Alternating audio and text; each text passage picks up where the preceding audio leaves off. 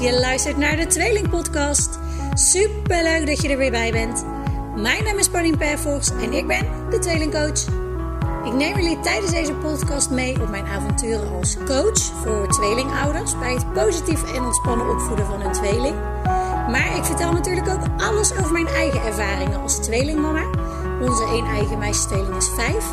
En ik geef jullie de beste tips en tricks voor het opvoeden en opgroeien van tweelingen. Want een tweelingenhuis is superleuk en bijzonder, maar brengt ook wel wat uitdagingen met zich mee. Ik heb er heel erg veel zin in.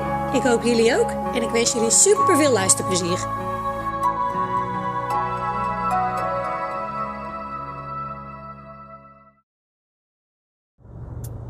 Hey, hallo en super leuk dat je weer luistert naar een nieuwe aflevering van de Tweeling Podcast. Dit keer weer een keertje vanuit de auto. Ehm, gewoon omdat het kan. Ik eh, ben op weg naar een, ehm, een vriendinnetje. En wij gaan lekker samen naar een ander vriendinnetje in Amsterdam. En wij hebben lekker een, nou ja, vriendinnenavond. We gaan lekker eten. Waarschijnlijk nog ergens een drankje doen. En ook dat, uh, ja, moet, mag wel eens gebeuren. ik moet er wel meteen bij zeggen, en dat is een mooie misschien voor deze podcast. Dat ik me, um, nou ja, nadat ik natuurlijk een week op Skiatos ben geweest. Volgende week ben ik een dag eh, afwezig door, uh, of afwezig, ja, thuis. Doordat ik uh, op de informatieve Meerlingendag uh, mag spreken. Daar mag ik twee workshops geven over de peuterpuberteit. Super, super leuk. Ehm, mocht je nou denken, hey, informatieve Meerlingendag, dat klinkt best wel leuk. dat is het ook zeker. Het is een dag die wordt georganiseerd door de Nederlandse Vereniging voor Ouders van Meerlingen. Dus tweelingen, drielingen, vierlingen, ze zijn er allemaal te vinden. In ieder geval de ouders dan. Het is zonder kinderen. En wat je vindt op die informatieve meerlingendag zijn uh, lezingen, workshops. Het is eigenlijk een soort seminarachtig uh, evenement. Heel erg leuk. Dit keer in Ede. voor mij best wel een stukje rijden, maar ik heb er meer voor over. niet alleen maar omdat ik dus workshops ga geven, maar ook als ik die niet had gedaan, was ik er zeker naartoe gegaan. Omdat ik nou ja, het altijd gewoon super interessant vind om uh, wat meer te leren van de andere sprekers. Uh, maar het is natuurlijk ook altijd super leuk om te netwerken en andere tweeling- en meerlingouders ontmoeten. En uh, nou, dat is iets waar dat ik regelmatig berichtjes over krijg.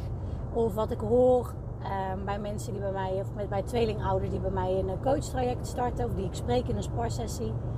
Dat ze ja, eigenlijk weinig tot geen andere tweelingouders om zich heen hebben. En dat het best wel lastig is soms om uh, met mensen te sparren, om uh, opvoedtips te vragen.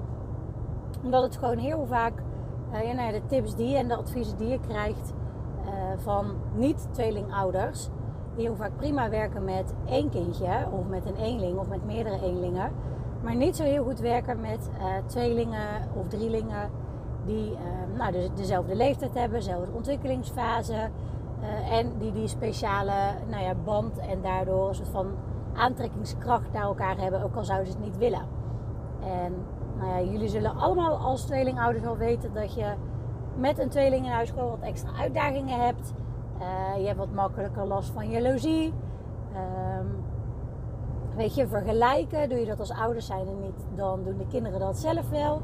Altijd heel erg leuk. Of je omgeving. En uh, nou, bij zo'n informatieve meerlingendag kan je dus echt andere tweelingouders, andere drielingouders, meerlingouders uh, ontmoeten. Wie weet kom je wel iemand tegen die lekker uh, dichtbij in de buurt woont. Waar dat je wat vaker mee kan, kan afspreken. Of, nou ja, het is altijd leuk om op plekken te komen waar dat je een soort van tussen aanhalingstekens lotgenoten kan tegenkomen. En nou, de informatieve Meerlingendag is daar dus echt de uitgelezen kans voor. En daarnaast kan je dus ook nog superleuke lezingen volgen. en natuurlijk mijn workshop over de peuterpuberteit. En waar ik het eigenlijk dit keer een keer over wil hebben, en ik heb het daar niet zo heel vaak over, dat zijn mijn eigen opvoedskills bij mijn tweeling. En gisteren waren wij even in de stad en het is al heel leuk. In uh, Waalwijk is er nu een Omoda outlet store geopend. Nou ja, alle kinderschoenen voor 25 euro. Liz die had nog een, nou, nog een soort van wit sneakertje nodig of zo'n Converse modelletje. Dus wij eventjes kijken. Nou, hartstikke leuk. Komen daar echt een super toffe schoenen tegen. Ze ziet ze staan, ze kwam er allemaal aanrennen en ze zei meteen... Mama, deze wil ik. Helemaal verliefd op haar schoenen. Dus uh, nou ja, uh, prima schat. Dan uh, doen we die voor jou pas, even passen. Nou, zat ook als gegoten. alsof ze gewoon voor haar bestemd waren. Um, maar Charlie had eigenlijk helemaal geen schoenen nodig. Die heeft van die witte Converse schoentjes, een beetje een hoge modelletje. Kei leuk. Ik wil ze het liefst ook. Ik heb alleen lager, maar zij heeft een hoge variant. En die zou ik ook wel willen. En uh, die had een andere sneaker gezien. Ook een beetje zo'n um, zo'n dead sneaker. Als jullie weten wat dat is. Een beetje zo'n grover uh, model. Liz ook. Charlie had ook iets gevonden. Wel een andere. En nou, ook helemaal verliefd. En, en ik had echt zoiets van... Ja, maar dit is precies wat ik iedereen altijd vertel in coaching. Of in webinars die ik geef. Of in workshops die ik geef.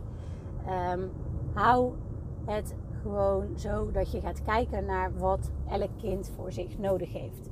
Dus heeft één nieuwe schoenen nodig, betekent dat niet automatisch dat die ander ook nieuwe schoenen krijgt.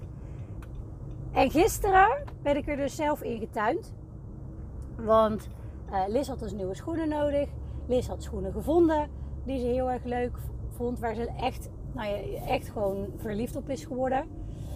En um, toen vond Charlie ook een paar schoenen die ze heel graag wilde. Terwijl ze die niet nodig had. Uiteindelijk, en daar komt hij. Ze zeggen wel eens practice what you preach. Nou ja, dat is uh, gisteren niet helemaal gelukt. Charlie heeft ze ook gekregen. dus ik denk, mooie inspiratie om, weer eens een, uh, om ook nog eens een podcast over op te nemen.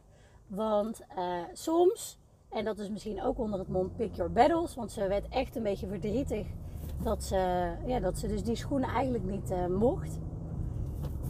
Um, maar onder het mom pick your battles, weet je, ze was er helemaal weg van.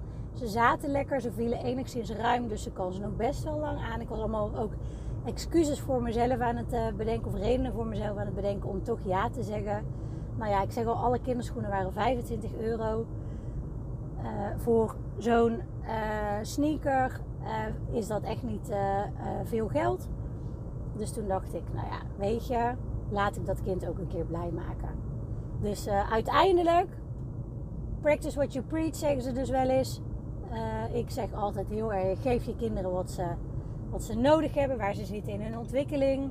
Als één nieuwe schoenen nodig heeft en de ander niet, nou, dat is jammer dan. Dan krijgt die ene die wel nieuwe schoenen heeft, die krijgt nieuwe schoenen. En die ander krijgt nieuwe schoenen als uh, die het nodig heeft. En dan krijgt die ander dus weer niet.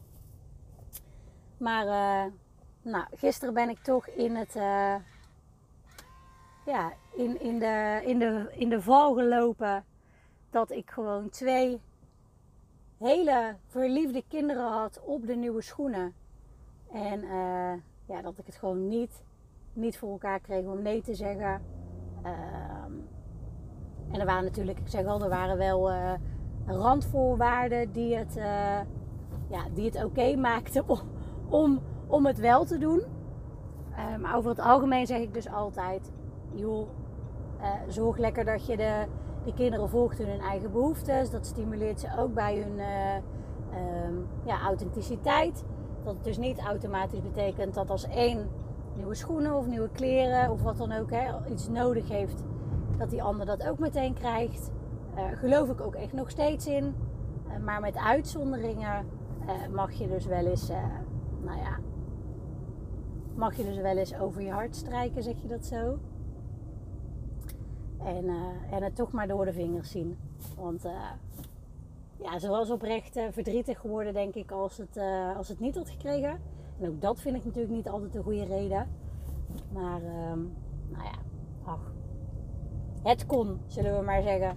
En soms moet je ook maar gewoon een beetje genieten van het leven. En uh, dat blije bekkie, uh, daarna maakt alles, uh, alles goed.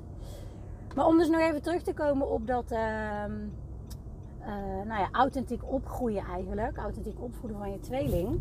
En dus niet altijd alles maar standaard hetzelfde geven of hetzelfde eh, laten ervaren, laten meemaken. Ehm, zeg ik dus inderdaad altijd. en het zit, ik zit naar een meisje op de fiets te kijken en een rokje wijd omhoog. Die kijkt zo er, uh, broekje op, zullen we maar zeggen. Um, wat wilde ik nog zeggen? Oh ja, authentiek opgroeien. Uh, weet je, durf daarin ook echt oneerlijk te zijn. Hoe ik dat dus wel eens uh, met een dikke knipoog bedoel. Of wel eens met een dikke knipoog zeg. Dat eigenlijk vooral, ik kom niet helemaal uit mijn woorden, merk ik. Um, uh, daarbij leg je dus vooral op de eigen ontwikkeling van jullie, uh, van jullie kinderen. Is er een al wel toe om zonder zijwielen te, te fietsen, dan gaat die lekker zonder zijwielen fietsen. En die ander, die komt op zijn of haar beurt vanzelf wel. En zo ook met zindelijk worden. Zo ook dus eigenlijk normaal gesproken wat ik zeg met schoenen kopen. Of als ze uit kleren zijn gegroeid. Uh, geef degene die het nodig heeft, geeft die iets. En ehm, laat dat niet automatisch betekenen dat die ander ook iets nieuws moet krijgen. En ik moet zeggen, ik vind dat af en toe ook wel eens bij uh, verjaardagen. En dat is dan niet zo tweeling gerelateerd, uh, maar eerder bij verjaardagen van eenlingen. Wat je dan wel eens ziet is dat dan als één kindje jarig is, dat dan broertjes of zusjes ook een cadeautje krijgen. En nou ja, niks ten nadelen als je dus zo iemand bent die dat, die dat doet. Uh, maar ik vind dat ook altijd een beetje frappant.